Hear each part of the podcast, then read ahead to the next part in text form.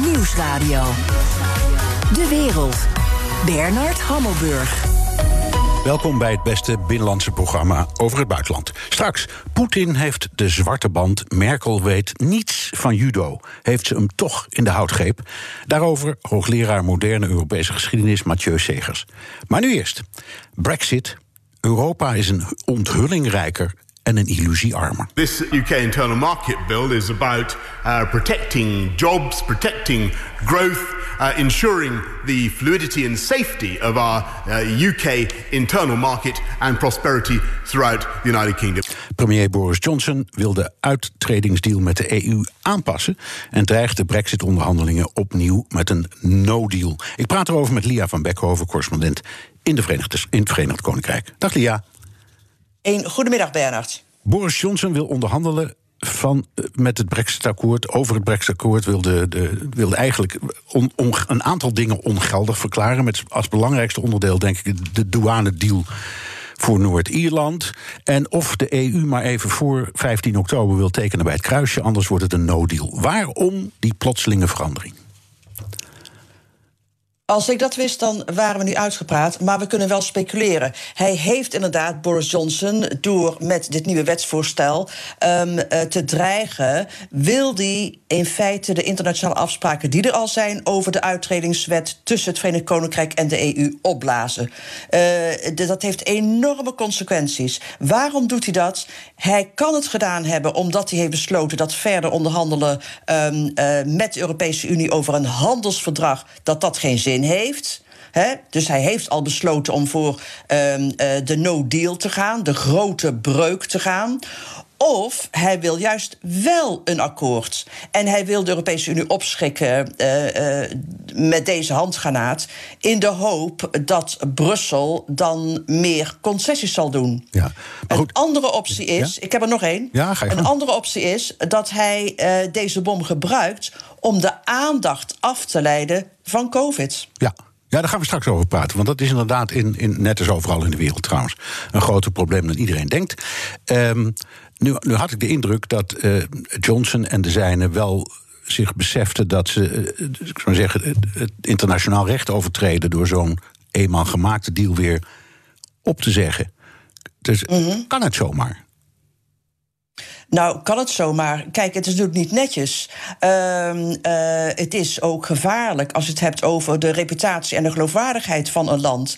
Technisch kan het zomaar. Het ligt er aan wat de tegenpartij wil. Er zijn nu al mensen in de Europese Unie die zeggen van uh, Johnson heeft al uh, internationale afspraken overtreden. Dus we zouden hem voor de rechtbank kunnen dagen. Heeft dat zin? Politiek niet, denk ik. De Europese Unie reageert tot nu toe heel kalm. Um, uh, en ik denk dat dat politiek en diplomatiek ontzettend verstandig is. Want uh, in Brussel weten ze heel goed dat de Britten wachten, en vooral de regering, om een manier, op een manier om de Europese Unie de schuld te geven van het mislukken van het Brexit-overleg. dus als je dan als, de, als Europese Unie ook nog de Britten voor het internationaal recht, uh, gerechtshof in Den Haag daagt wegens het schenden van afspraken, dan kunnen de Britten zeggen: je ziet de krantenkoppen in de tablets al voor je, Bernard. Die zeggen dan: het zijn, het zijn weer de Europeanen. Uh, die het ons lastig willen maken. Ja, en aan de andere kant, nu het zo zegt, denk ik ook Barnier en, en, en ik zeg de hele Europese Commissie heeft inderdaad misschien gelijk, want er was een akkoord. Dat was ook volgens, ik zal maar zeggen, de Britse media een akkoord. En als de Britten dan een verandering willen en de Europese Unie gaat reageren, dan krijg je zo'n reacties die jij beschrijft. Dus als ze zwijgen, dan ontnemen ze als het ware uh, Johnson wat dat betreft een kans. Als hij alleen maar in de ruimte zwamt, zo gezegd, en er komt geen reactie, mm -hmm. ja, dan, -hmm. dan wordt het moeilijker voor hem. Juist. Juist. Dus vandaar denk ik dat uh, de Europese Unie er inderdaad goed aan gedaan heeft om tot nu toe heel rustig te reageren. He, Barnier is op dit moment in uh, Groot-Brittannië. Hij praat onder vier ogen met uh, Michael Gove, een van de ministers. En hij wil echt horen: kijk, wat wil je nou? Wat zijn nou de plannen? meen je het wat je zegt? Het kan natuurlijk heel goed, naar aanleiding hiervan, het besluit genomen wordt in Brussel kijk, als de Britten inderdaad het uittredingsakkoord willen gaan opblazen, heeft het geen zin meer voor ons om te blijven onderhandelen over een handelsakkoord. Dus sorry, we trekken ons terug. Dat kan. Je kunt je voorstellen dat er dan wat, wat, wat koelte komt in het overleg, dat beide partijen zich terugtrekken. Om misschien daarna het opnieuw te proberen of te zeggen: nee, uh, het lukt gewoon niet. Nee. Oké, nou je begon al te zeggen, we weten het niet precies. Ik vind jouw analyse trouwens heel erg veel lijken op iemand die het wel precies weet. Daar ben ik al heel blij mee. Mm nu wordt er steeds gesproken over staatssteun. Dat is een van de, een van de struikelblokken. Leg dat eens uit. Wat speelt daar nou precies? Ja, staatssteun, inderdaad. Er zijn een paar uh, problemen uh, die je hebt. ik moet je zeggen, Bernard, en dat vind ik toch wel belangrijk... voortdurend wordt ondergesneeuwd dat er ook afspraken al wel gemaakt zijn... in deze hele lange onderhandelingen over een handelsakkoord. Uh, maar er zijn inderdaad straat, struikelblokken die overeind zijn gebleven. Visserij, hè, minder dan de helft van 1% van het Britse nationale inkomen... stelt dus financieel niks voor, maar is politiek wel belangrijk. Nou, die visserij, daar komen ze wel uit. Maar inderdaad staatssubsidie is een punt. Um, wat Johnson wil, is de Britse economie heropbouwen. Hij wil uh, miljarden investeren in technologiebedrijven uh, in het Verenigd Koninkrijk. Hij wil en dan vooral van die versleten industriegebieden in Noord-Engeland, in uh, de Midlands en het Oosten. Die wil hij, daar wil hij een soort van Silicon Valley van maken.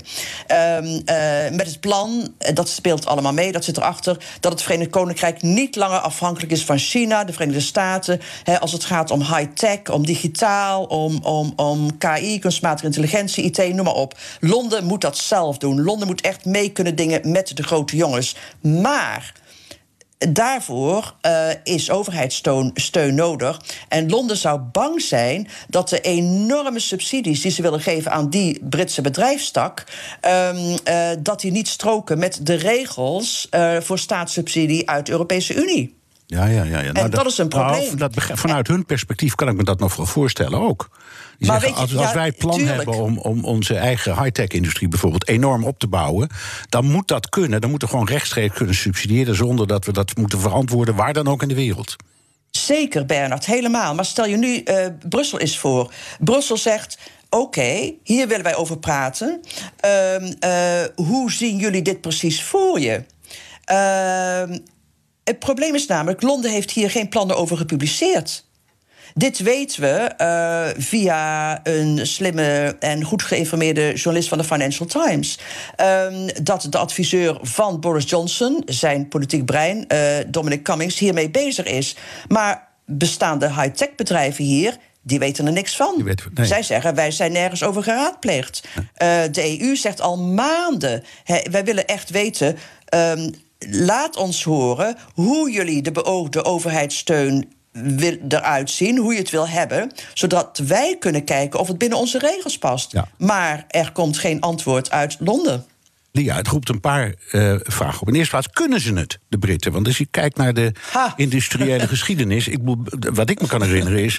automerken die verdwenen, de staalindustrie, die, alles is verdwenen. Kan, kan dit land zoiets? Nou ja, kijk, eh, kijk naar de. We hebben het nu over de vierde industriële revolutie. Maar kijk naar de, de eerste industriële revolutie. Hè, die kwam natuurlijk wel uit, uh, uit Groot-Brittannië. Ja, maar dat was in 1880, dat is alweer een paar dagen geleden. Precies, maar dat wil niet zeggen dat wat toen niet lukte, het nu niet weer op een andere manier kan. Waar het om gaat, denk ik, wat betreft Johnson, is de ambitie. De ambitie is er. De ambitie is op de eerste plaats dus onafhankelijk te zijn van China en de Verenigde Staten. En een nieuw soort global Britain op de kaart te zetten. Dat was ook de reden voor Brexit, die soevereiniteit. En ons internationaal opnieuw op een andere manier um, uh, te bewijzen. Maar nogmaals, het zijn vage plannen. Uh, ik heb geen idee of die plannen uh, het, het stadium van het, het, het ideeënstadium ontstegen zijn. Niemand die weet van technologische know-how en van opstartindustrieën. En ik moet je zeggen, de Britten hebben veel expertise in huis op dit gebied. Um, niemand is daarover geraadpleegd door de overheid, nee. schijnt. Nee. Ik las net een uh, Business Insider. En daar wordt gezegd dat het plan al langer bestaat, maar geen poten heeft. En dat het nogal simplistische ideeën bevat over hoe de technologische industrie werkt. Ja, ja die plannen zie je overal, ook in Nederland trouwens, hoor, waar ze voortdurend hebben over. Hm vergroting van de capaciteit op dat gebied. Maar dat blijft dan bij vage definities, niet bij feitelijkheden. Dus ik, ik snap het. Even denk, waar zit er ook een politieke kant aan? Is dit ook een boodschap van ehm, de conservatieven aan Labour? Um, heeft het iets te maken met de overstap van eh, kiezers van de ene naar de andere partij? Ja, ik denk het wel. Um, want uh, het is politiek essentieel uh, voor Johnson. We hebben het nog steeds over die nieuwe uh, technologie-industrie. Ja, hè? ja. Oké, ja, het is, het, het, is denk ik heel belangrijk voor Johnson, politiek gesproken, om de kiezers die altijd generaties lang op Labour stemden en nu voor het eerst vorig jaar op de conservatieven van Johnson stemden, om die kiezers bij zich te houden, om die mee te nemen en om hen te belonen. Ja. En dat kan met een nieuwe economie die het, het, het versleten um, noorden van Engeland met name opwaardeert. Dus even, even, even, even, even, zoals het dan in mijn hoofd zit, als kiezer in dat noorden. Hè, dan denk ik mm. eerst, Brexit spreekt mij aan. Dat, dat, dat, dat, kunnen we zeggen. Dat, dat hele idee van ons losmaken van die bedweters in Brussel. Oké, dat is de reden waarom ze hebben gestemd zoals ze hebben gestemd.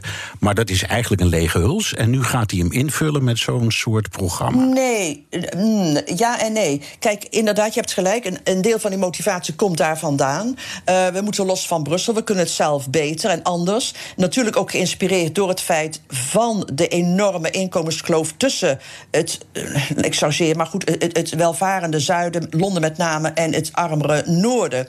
die mensen, eh, veel kiezers daar voelen zich achtergebleven. En Boris Johnson heeft altijd gezegd: we moeten zorgen dat het meer gelijkwaardig wordt. En daar ga ik voor zorgen door inderdaad een soort van nieuwe um, uh, industrie uh, daar op te starten. En ervoor te zorgen dat Groot-Brittannië in dat opzicht gelijkwaardig wordt.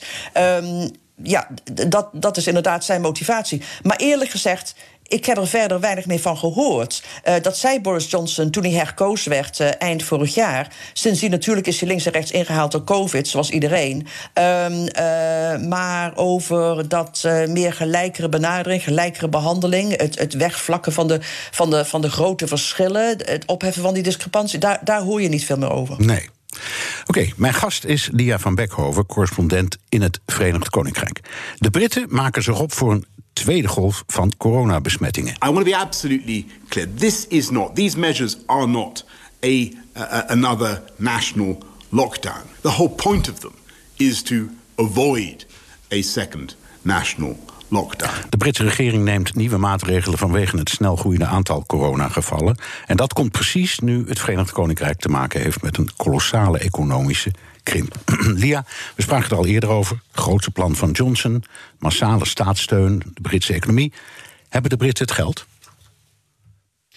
Nou, het plan zou zijn, volgens een e-mail van uh, de adviseur van, bon, van Johnson, Dominic Cummings, deze week, uh, de man achter dit initiatief, voor een, um, een industrie die op den duur 1 triljoen waard zou zijn. Hoeveel de overheid erin stopt, weet ik niet. Nee, dus het kan ook gebeuren met, ik noem maar wat, obligatieleningen, de investeringen. Geen idee. Weet je niet, nee. En hij dus ook niet. Nee. Um, er komen op het ogenblik hoeveel uh, nieuwe coronagevallen bij? 3000 per dag of zo? Bijna 3000, bijna, ja, ja, ja, ja, Nou, in Nederland zijn er ook al bijna 1000 of meer dan 1000. Dus het geldt niet eens veel. Het is vergroot toch nee. geen land. Hoe komt het?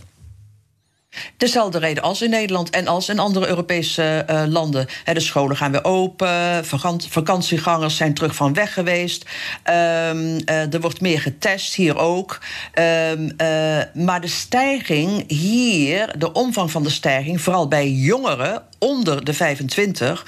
Um, en het feit dat de testcapaciteit, hoewel veel uitgebreider dan een aantal maanden geleden, toch beperkt blijft, dat heeft allemaal toe geleid uh, dat er angst is dat de Britse regering de grip op het virus verliest. Ja. Um, dus vandaar dat er vanaf maandag hele strakke, uh, veel eenvoudiger nieuwe richtlijnen zijn pardon, het zijn richtlijnen, het zijn wetten. Je, je moet je eraan houden. Zo niet, dan uh, ga je, bega je een overtreding. En kun je daarvoor uh, op, op een boete rekenen.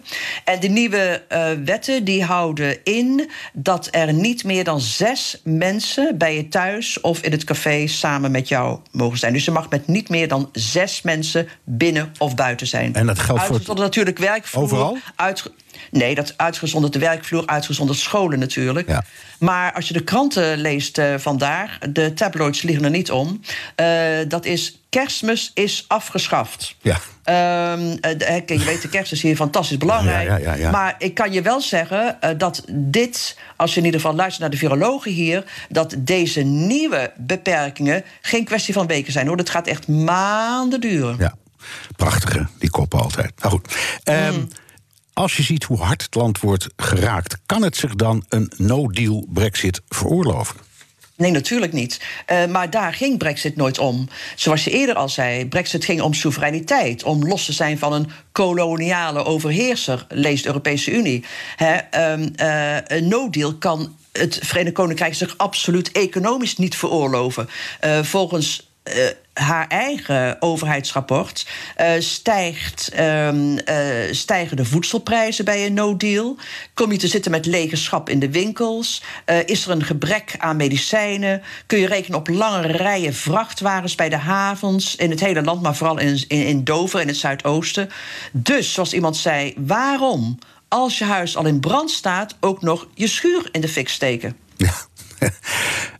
um, denk jij dus dit alles maar dat over... is niet het probleem. Nee, nee, Sorry, maar ik nog even? Kijk. Ja, ja, ja, tuurlijk. Maar ik wou eigenlijk zeggen, denk, denk je dat dit alles overwegen... dat er dus uiteindelijk toch wel een handelsakkoord komt? Dat denk ik wel, maar ik, ik denk eerst wil ik. Sorry, maar uh, ik ga eerst even terug naar wat je zei. Kijk, het probleem, en dit is het probleem. Het probleem met Brexit. Het probleem is dat de Brexiteers destijds aan de Britse kiezers beloofden dat je en kon uittreden uit de Europese Unie en je eigen zaakjes kon regelen.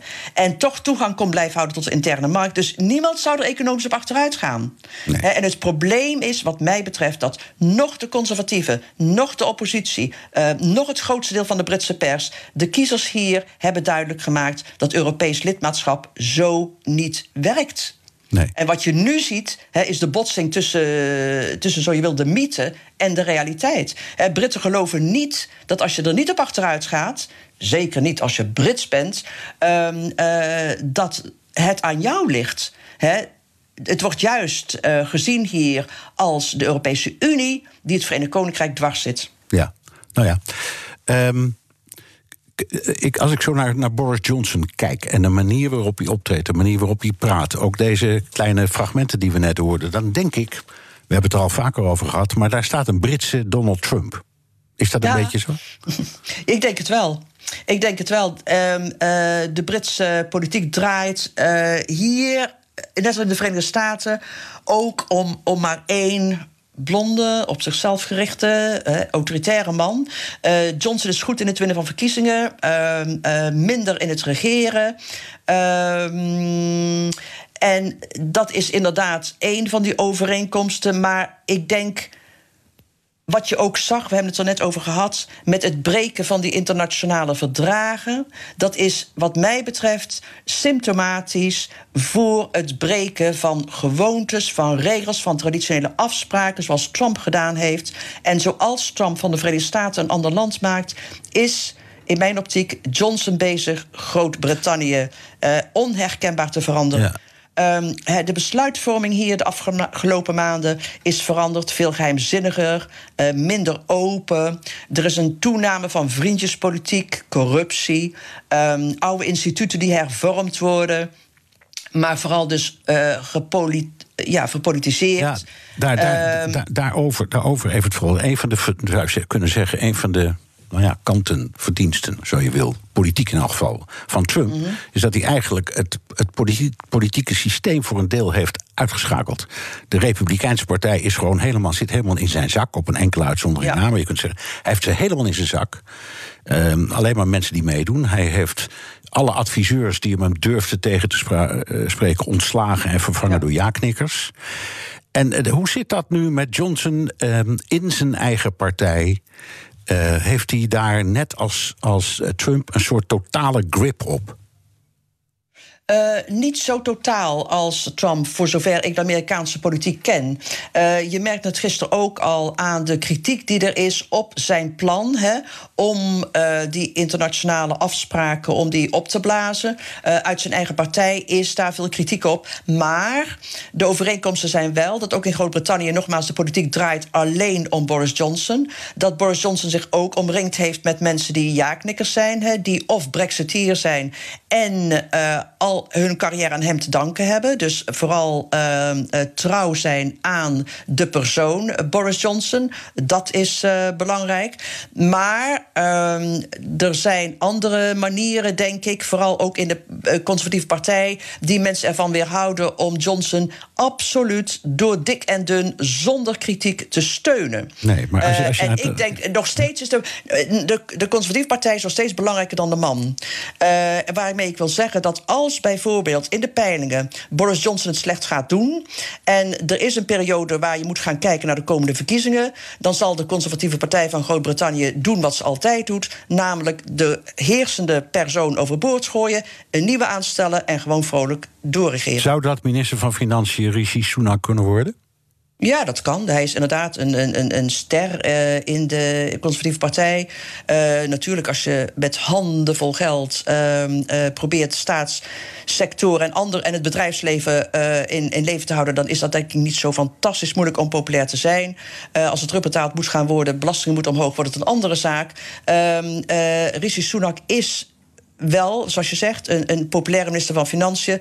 Nu in ieder geval, maar niet relevant. Er is nog geen vacature. Er is geen druk op Johnson om het tijd te keren of om het anders te doen. Laat staan op te stappen. Ja, je zegt hij heeft zich omringd met ja-knikkers. En die partij, dat vond ik wel mooi om te horen. Het is de partij die het uiteindelijk nog voor het zeggen heeft en niet de persoon. Um, dat, is, dat is wel een verschil met Trump en de Republikeinse ja. Partij. Hoe is het in uh, de relatie van Johnson met uh, het Lagerhuis? Oh, uh, het Lagerhuis heeft in ieder geval wat Brexit betreft zichzelf uitgeschakeld. Ik bedoel, de Right Honorable uh, geachte volksvertegenwoordigers. Um, in Westminster, die stemden vorig jaar um, voor de regel om alle Brexit-deals over te laten aan de uitvoerende macht. Met het gevolg dat mocht er een akkoord komen. En dat is ook zo mooi. Stel er komt een akkoord over een maand of twee of of wat. Uh, stel, er komt een akkoord. Um, dan moet er gestemd worden over dat nieuwe uh, Brexit-handelsakkoord in Den Haag, in alle andere parlementen van de Europese Unie, plus een stuk of tien, geloof ik, regionale volksvertegenwoordigingen, in het Europees Parlement, overal dus, maar niet in Londen. Nee. Dat is inderdaad. Uh, het enige vuurwerk dat je kunt verwachten is het, is, is het ongekozen, uh, door de premier aangestelde lords en ladies uh, van de Senaat, van het Hoge Huis. En die. Eerste Kamer die zou nog wel eens verzet kunnen bieden. Um, en bijvoorbeeld de wet torpederen die de internationale rechtsregels wil schenden. Ja, oké. Okay, dus daar, daar, daar zit nog een veiligheidsklep in. Dus we moeten ons even verzetten tegen de mensen die zeggen dat Hogerhuis moet je eigenlijk maar afschaffen. We hebben ze even nodig. Ja. Maar die veiligheidsklep, Bernard, heeft niets met Boris Johnson te maken. Boris nee. Johnson is dezelfde, is dezelfde man die een jaar geleden het, uh, het parlement gewoon opdoekte, naar huis stuurde en uh, uh, ja, op slot deed. Ja, hoe zit Totdat het met... Door, ja, door, door de Hoogrechtbank werd teruggeroepen. Precies. En rechters tegen hem zeiden dat kun je niet maken. Dat, je kan het niet Dit maken. Nee, je kunt niet je eigen contro controlerende macht uitschakelen. Ten slotte even. Um, hoe staat de, de kiezer hier tegenover? Zijn er peilingen? Hoe, wat vinden de mensen? Waarvan? Uh, van van uh, de, de, de nieuwe move van uh, Johnson en Brexit als geheel. Vinden ze nou. nog steeds, ongeveer voor bijna de helft, wat ik altijd geloof, misschien net iets meer, dat dat Brexit-besluit eigenlijk wel goed is? Ja, de meeste van de Britten die hebben zich neergelegd bij Brexit. Zij geloven Brexit is, uh, de, i, ja, dat is een gepasseerd. Uh, een akkoord is uh, iets waarvan ze hopen dat het er komt. Natuurlijk, het is altijd beloofd. Hè. Je kunt toegang blijven hebben tot zeker hoogte tot de Europese Unie. Maar de meeste Britten, wat de meeste Britten betreft, is Brexit al lang gebeurd. Ja, en voor de, de meeste Britten die, die, die, begrijpen echt niet dat er nog steeds gesproken ja, wordt over Brexit. Begrijp ik helemaal. En tot slot, je zei het al eerder, nog één keer. Er komt dus, naar jouw idee, wel een deal. Ik denk als er een deal komt, dan denk je dat het vooral te maken heeft met Schotland. de Schotten, dat wist je, die, dat weet je, die, die stemden zes jaar geleden om in het Verenigd Koninkrijk te blijven. Die zijn, lijkt van gedachten veranderd. Eh, de meerderheid is nu voor afscheiding, wat, wat trouwens heel moeilijk gaat worden, mocht het ooit gebeuren. Maar ik denk dat Johnson niet de geschiedenis in wil gaan als de regeringsleider die toezag op het mogelijk uiteenvallen van het Verenigd Koninkrijk. Ik bedoel, dat overleeft Schotland verliezen, dat overleeft geen enkele premier. Dus als er één reden is voor hem om toch voor een akkoord te gaan, dan is dit denk ik de belangrijkste. Dank, Lia van Beckhoven, correspondent in het Verenigd Koninkrijk. BNR Nieuwsradio. De wereld. Bernard Hammelburg. Frankrijk is boos omdat corona een einde dreigt te maken aan het Europese reiscircus van Brussel naar Straatsburg. Volgende week zouden alle Europarlementariërs en hun medewerkers weer naar de Elzas afreizen. Maar door dat plan is een dikke vette streep gezet door de voorzitter van het parlement. Europa-verslaggever Jesse Pinster, ik neem aan dat het virus de reden eh, is dit keer om die, van die reis af te zien. Ja, absoluut. De Franse regering heeft de hele regio rond Straatsburg de kleurcode rood gegeven. Vanwege het oplopend aantal coronabesmettingen. En dat was inderdaad de reden voor de voorzitter van het Europese parlement, David Sassoli, om ja, de reis toch maar weer te cancelen. Weer, want ja, ze gaan al een tijdje niet naar Straatsburg sinds het coronavirus uh, daar is. Nou was de druk al vrij hoog hoor, vanuit een aantal fracties in het Europese parlement om deze reis niet door te laten gaan. Dus ja, dat betekent dat de hoogmis van het begin van het Europese politieke jaar. De staat van de Europese Unie-speech van commissievoorzitter von der Leyen gaat plaatsvinden in Brussel. Ja. Week. Los van de mensen die in Straatsburg werken en hotels en restaurants, zal iedereen mm. er toch wel begrip voor hebben, neem ik aan. Nou ja, de Franse regering absoluut niet. Die roepen dat uh, corona eh, een, een, groter probleem is in Brussel dan het in Straatsburg is op dit moment. Waar ze in zekere mate wel een, eh, een punt hebben als je naar de cijfers kijkt. En, ja, en die, en, die, en die code rood is een Franse code mm. rood. Hè? Dat, is, dat is niet wat wij vinden. Geen, nee. Nee, wij, want wij noemen dat dan oranje. En het code rood in Frankrijk is dan weer dat ze ook de mogelijkheid hebben om allemaal extra maatregelen te nemen. Om, om nog meer mondkapjes te verplichten, zeg maar. Dat soort uh, zaken. Um, Clément Béom, dat de Franse minister voor Europese Zaken, die, ja, die zat maar te benadrukken van dat ze toch echt zo hard hun best hadden gedaan in Straatsburg om dit wel mogelijk te maken. Bijvoorbeeld over die restaurants. Ja, ze hadden wel bedacht dat is misschien niet handig als iedereen daar gaat eten. Dat is toch een risico. Dus er waren al allemaal plannen om foodtrucks naar Straatsburg te halen, zodat al die Europarlementariërs en hun medewerkers en de journalisten toch gewoon konden eten zonder naar het restaurant te gaan. Maar ja, het mocht allemaal niet baten. Dus uh, ja, uh, de woordvoerder van de Franse regering die bestempelde het nog wel als onbegrijpelijk. Ja. Je zei het al eerder, uh, sinds, sinds de uitbraak van de coronacrisis zijn de Europarlementariërs niet meer in Straatsburg geweest.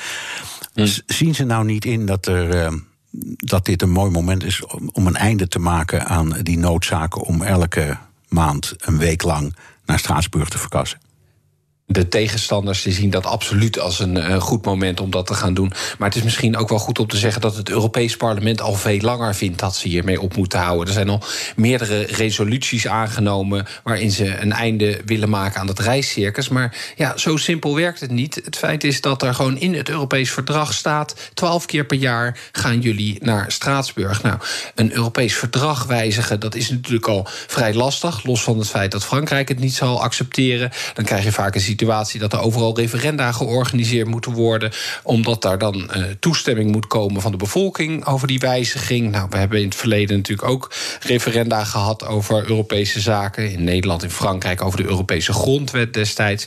Ja, en dan zie je vaak dat zo'n referendum gaat dan over of je voor of tegen Europa bent. En niet meer over of je Straatsburg wil afschaffen of niet. Nee. En ja, dat zijn misschien vragen die ze uh, liever niet voorleggen. Die uh, voorstanders van de EU aan de bevolking van de EU. Ja, nee, dus al die mensen die al, zich al jaren opwinden over dat reiscircus... die kunnen daar voorlopig mee doorgaan, want er verandert helemaal niks.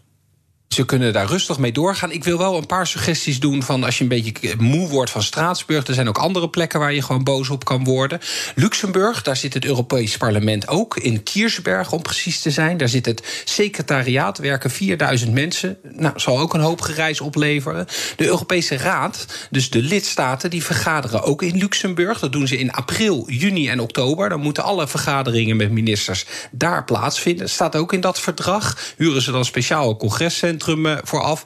En als je nee, toch een soort sympathie voor Luxemburg hebt en je wil weer, weer wat anders, dan zou ik zeggen dat roterende voorzitterschap. Nu Duitsland een half jaar, dat verandert ieder half jaar. Dan zijn er ook weer allemaal vergaderingen. Eh, ik was in Berlijn twee weken geleden. Morgen is er een in Berlijn. Volgende week gaan de ministers van Onderwijs naar Osnabrück. Dat is trouwens niet in het verdrag allemaal afgesloten dat die vergaderingen daar plaats moeten vinden. maar goed, daar kan je je ook van afvragen of dat misschien allemaal nou wel zo hard uh, nodig is. Ja. En die vraag die, uh, die zal ook met Straatsburg absoluut. Uh, nee, wij zijn, wij zijn volkomen objectief, dus wij zeggen niet dat het niet nodig is. Dankjewel, nee. Europa-verslaggever Jesse Pinster. Als je weer wil horen over de Europese politiek, luister dan naar de podcast Europa Mania van BNR en het FD. De Joe en Donald Show. Tijd voor het laatste nieuws over de Amerikaanse verkiezingen met onze correspondent in Washington, Jan Postma. Jan, Amerika is in de ban van het boek van Bob Woodward en de tapes natuurlijk. Trump sprak ja. 18 keer met Woodward voor dat boek. Woodward heeft een enorme reputatie. Waarom deed Trump dit eigenlijk? Ja, dat vraagt zijn staf zich op dit moment ook af. Er wordt onder meer uh, gezegd dat uh, zijn schoonzoon Jared Kushner het goed idee vond, dat die erop heeft aangedrongen. Maar bijvoorbeeld zijn stafchef Mark Meadows, die zei gisteren dat hij het helemaal niet slim vond. En dat als het aan hem had gelegen, dit helemaal niet gebeurd was. En er zijn nu natuurlijk ineens een, stuk meer mensen die dat ook zeggen. Tucker Carlson van Fox News, die geeft Lindsey Graham de schuld, die senator. zet hem neer echt als, een halve democraat. Dus dat was echt een aanval. Dus het wordt interessant om te zien daar gebeurt, of daar iets uh, ontstaat. Want je weet natuurlijk bij Tucker Carlson nooit of uh, Trump het hem verteld heeft... of dat hij het nu aan Trump vertelt. Dus uh, ben benieuwd. Ja. En ik denk, ja, Trump zelf die wilde een, een debakel ook voorkomen. Woodward die wilde... Um, Trump ook voor zijn vorige boek spreken. Toen hield zijn staf dat verzoek bij Trump weg. Kwam nooit op zijn bureau. Daar was Trump toen boos over. En nu dacht hij dus, ja, ik kan die boodschap zo onder controle houden. Maar inmiddels valt hij Woodward aan en noemt dat een political hit job. Een politieke aanslag. En iemand uh, grapt op Twitter al dat, dat Woodward uh, eerder samen met Bernstein bij Watergate eerst nog hard op zoek moest. hard aan het werk moest voordat hij die Nixon-tapes uiteindelijk dan naar buiten kwamen. maar dat Trump nu dus de Trump-tapes gewoon zelf heeft aangeleverd.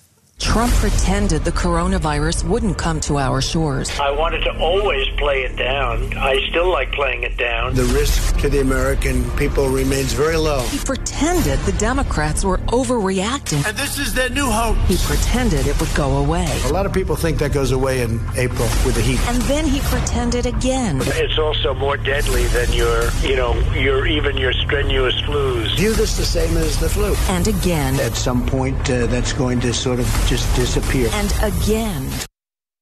Ja, dit klinkt meteen uh, spannend, uh, Bernard. Nou. Ze hebben er meteen een uh, spotje van gemaakt. Dat was al binnen een paar uur stond dat online van de uitspraken van Trump van de tapes. Natuurlijk ook makkelijk, omdat die opnames er al waren. dit is van Midas Touch. Dat is een, een linkse actiegroep. En het is Trump in zijn eigen woorden. En, en, vervolgens worden dan nog het aantal doden genoemd. De, de, besmettingen worden opgenoemd. En dan wordt gesteld uiteindelijk dat Trump nog steeds geen plan heeft. Met dan als conclusie deze. In a time of crisis, Americans can't afford to have a pretend president. I wanted to always play it down. Midas Touch is responsible for the content of this advertising.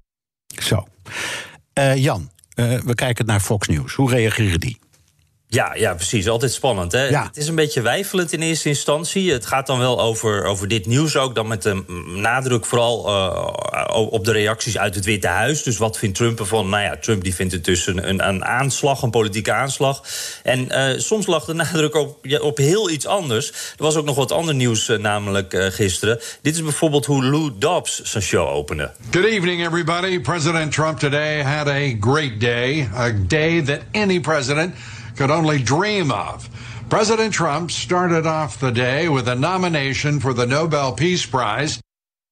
Ja, dat was nou net dat nieuws waar eigenlijk de rest van het land wat minder aandacht voor had. Maar op Fox News was dat uh, toch wel wat groter nog. Ja, wie maakt je wat hè, als je genomineerd bent voor de Nobelprijs? Zo. Geweldig. Jan, we hebben het hier heel vaak over. Wat maakt dit allemaal uit voor de verkiezingen in november? Ja, precies. Want uh, je hoort het al, de twee Amerika's die krijgen allebei een heel ander verhaal uh, voorgeschoteld. Met, met Midas Touch, dat spotje aan de ene kant, en, en Fox News uh, aan de andere kant. er zijn denk ik wel twee dingen die dit even anders maken dan, dan verhalen van de afgelopen weken. Van, van Michael Cohen, hè, dus zijn advocaat die dat boek uitbracht over die gesneuvelde militairen die Trump losers noemde. dit is een onderwerp wat nou echt elke Amerikaan aangaat. Gaat, dus dat zou het anders kunnen maken. En het tweede is ook, ja, dit staat op Hij, hij, heeft het gezegd, het Witte Huis spint het wat. Maar uh, echt ontkennen, ze proberen het wel. Maar dat kan natuurlijk niet, want we horen het hem zeggen. Dus uh, ik ben heel benieuwd wat, wat die moeders in de voorsteden en buitenwijken wijken van de Amerikaanse steden hiervan vinden. En die andere zwevende kiezers natuurlijk, ja. waar, waar Biden en Trump allebei naar hengelen. Dankjewel, Jan Postma, onze correspondent in Washington. En wilt u meer horen over dat fascinerende land? Luister dan, dan naar de Amerika-podcast van Jan en mij.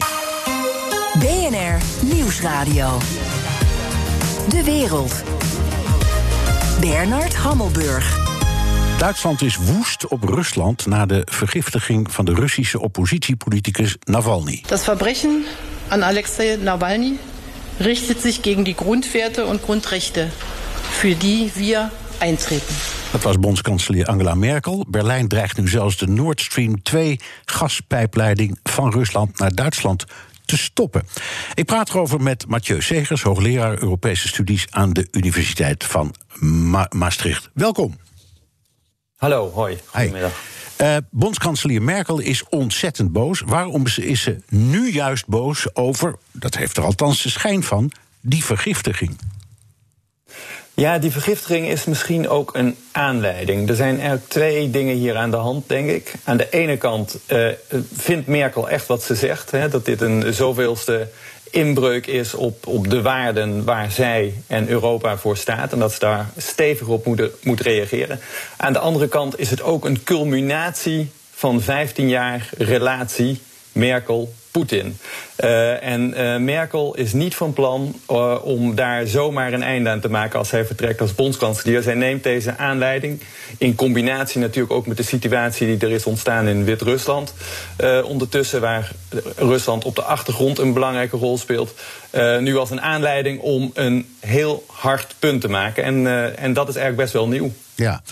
ze kijkt natuurlijk over die 15 jaar ook terug. En je, je kunt zeggen dat Europa tegenover Poetin een aantal slagen heeft verloren. Dat zal haar ook dwars zitten. Ja, precies. Dat kun je zeker zeggen. Want als je dus terugkijkt in die, in die 15 jaar, uh, grofweg gezegd, dan zijn, zitten daar twee cruciale momenten in die nu ook uh, weer heel erg actueel zijn. 2008 het moment dat Poetin uh, Zuid-Ossetië annexeert in Georgië. Ja, door, door, al, door alle burgers automatisch Russisch staatsburger te maken, herinner ik me. Dat was ja, de truc. Ja, ja. precies. Hè, op een ja. manier die uh, Europa niet verwachtte. Nee. Maar ook op een, op een, met, een, met een impact die Europa niet voorzien had. En waar Europa dus vanaf dat moment achter de, achter de feiten aanliep... die door Poetin gecreëerd werden daar in Georgië.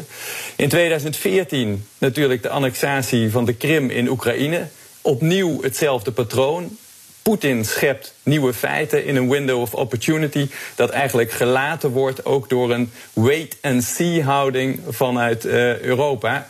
Mede onder leiding van Duitsland. Ja. Nou, nu is er een nieuw, nieuwe situatie die, die daar erg op lijkt op een aantal punten. Namelijk de situatie in Wit-Rusland. Opnieuw is daar een window of opportunity potentieel misschien in de nabije toekomst voor Rusland. Om een greep op dat land, Wit-Rusland, te vergroten.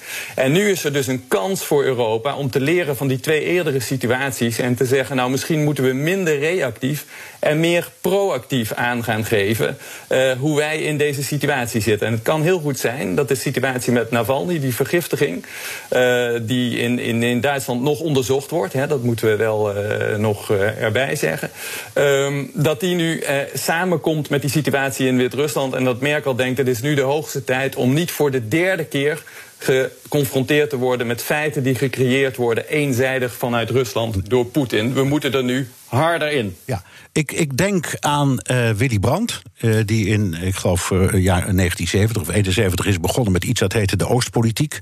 Waarin hij heel mm -hmm. bewust koos voor Duitsland als zijnde door de Tweede Wereldoorlog, door het verleden, noem het allemaal maar op, door de splitsing van Duitsland, vond hij Duitsland een ideaal land om een bemiddelende rol te spelen tussen ja. het Westen en, en de so toenmalige Sovjet-Unie. En Merkel, voor mijn gevoel, heeft geprobeerd om dat voor te zetten. Kun je zeggen dat je er nu ziet twijfelen of, dat wel, of dit het moment is om dat te beëindigen? Ja, je ziet daar, ik, ik ben het met die uh, analyse die je geeft in grote uh, mate eens.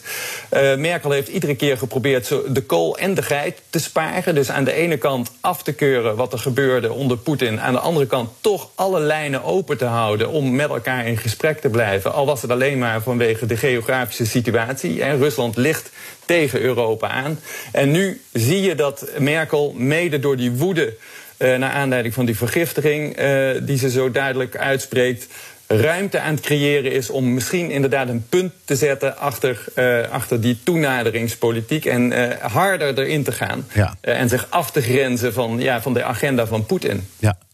De rest van Europa reageert heel erg terughoudend, voorzichtig.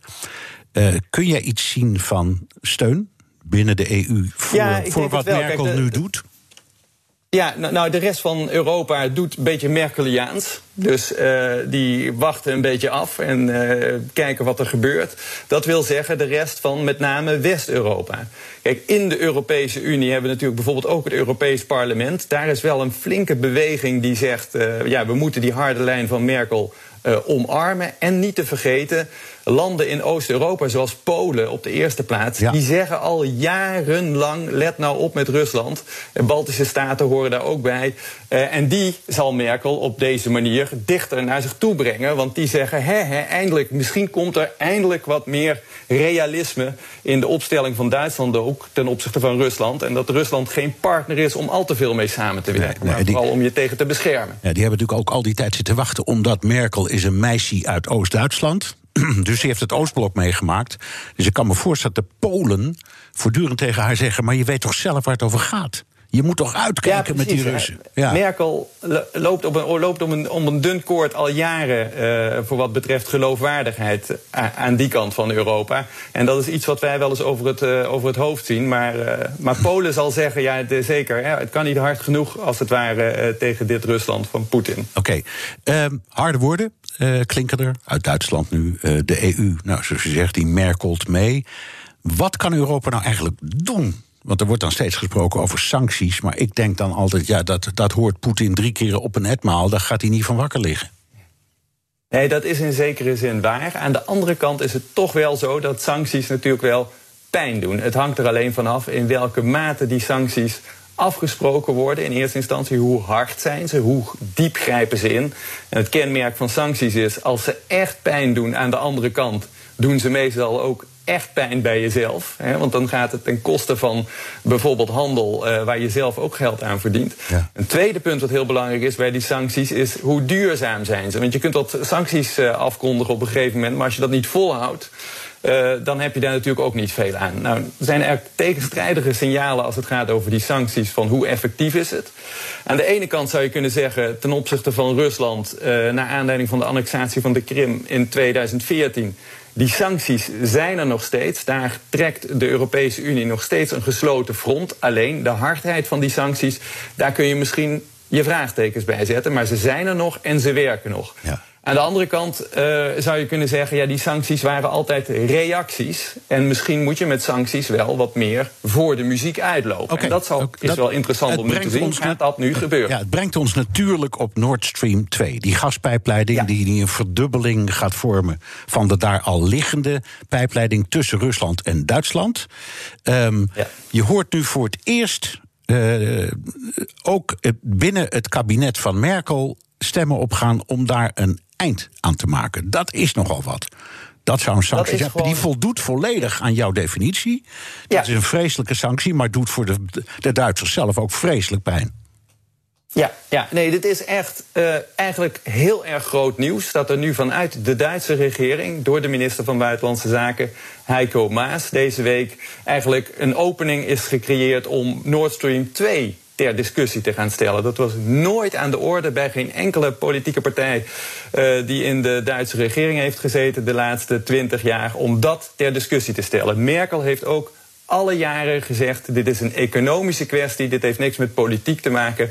Nord Stream 2 gaat door, kosten wat kost. Dat, uh, dat, dat was haar standpunt. Tot misschien nu. Dus dat is, uh, dat is eigenlijk potentieel heel groot nieuws. Daar moeten we bij zeggen dat vanuit dat Oost-Europese perspectief, dus nu, kijk naar een land als Polen waar we het net over hadden, ja. Nord Stream 2 van meet af aan een schandvlek is geweest op de Europese Unie. Ja. Zij hebben gezegd: dit is het verkopen van je ziel aan Poetin. Ja. Dit is het in handen geven van een geopolitiek instrument in optima forma aan de grootste tegenstander aan onze oostgrens. Hoe kun je dit doen?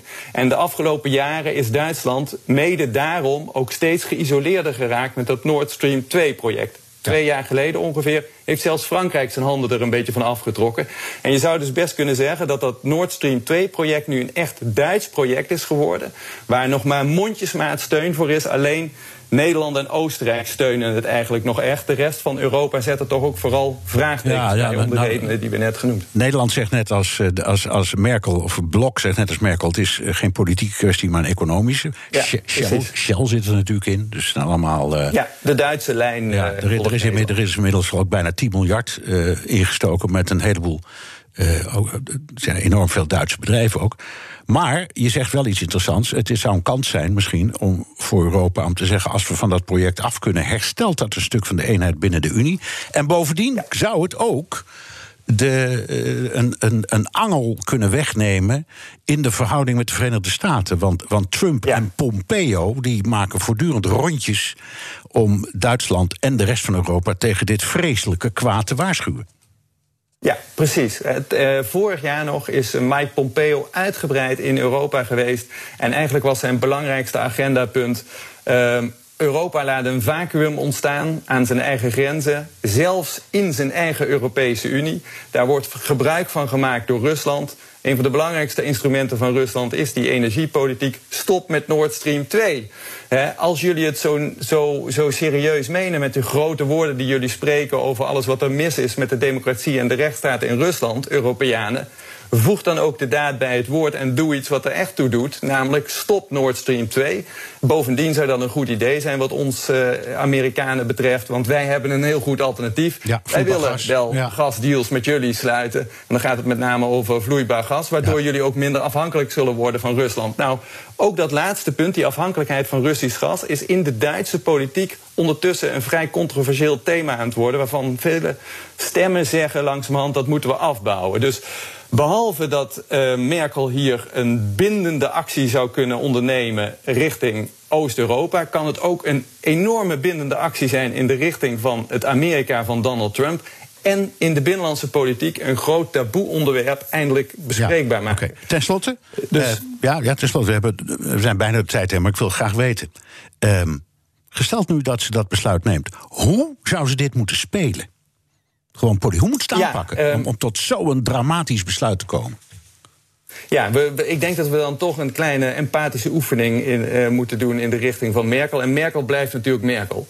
Dus ik denk uh, hoe ze het kan spelen is door ruimte te creëren. Dat doet ze nu door de confrontatie te zoeken met het Rusland van Poetin, waarvan, waarvan ze zou kunnen zeggen: Ik heb je 15 jaar de kans gekregen, gegeven om te laten zien dat je een partner kunt zijn van ons je hebt 15 jaar lang die kans laten liggen en eigenlijk mijn vertrouwen beschaamd. Nu is het genoeg geweest. En daarin komen drie dossiers samen. De geschiedenis vanaf 2008 met die annexaties, de situatie in Wit-Rusland en de vergiftiging van Navalny. En dan zou de volgende stap kunnen zijn dat Merkel, als dat allemaal goed en helder duidelijk is en op tafel ligt, dat zij de ultieme consequentie trekt, uh, maar dat natuurlijk wel op een voorzichtige manier doet. Dus in stappen, denk ik. Uh, maar wel uh, resoluut. En resoluut in de Merkel-manier is niet van het een op het andere moment een klap erop geven, maar langzaam en pijnlijk de zaak doorzetten. uitleggen en toelichten. En uh, ja, het is niet uitgesloten dat ze daarvoor nu de ruimte aan het creëren is, gezien de signalen die we krijgen uit Duitsland. Dank, Mathieu Segers, hoogleraar moderne Europese geschiedenis aan de Universiteit van Maastricht. En een van de makers van de podcast Café Europa. En tot zover BNR De Wereld. Terugluisteren kan via de site, de app, Spotify of Apple Podcast. Reageren kan via een mailtje naar dewereld.bnr.nl. Tot volgende week.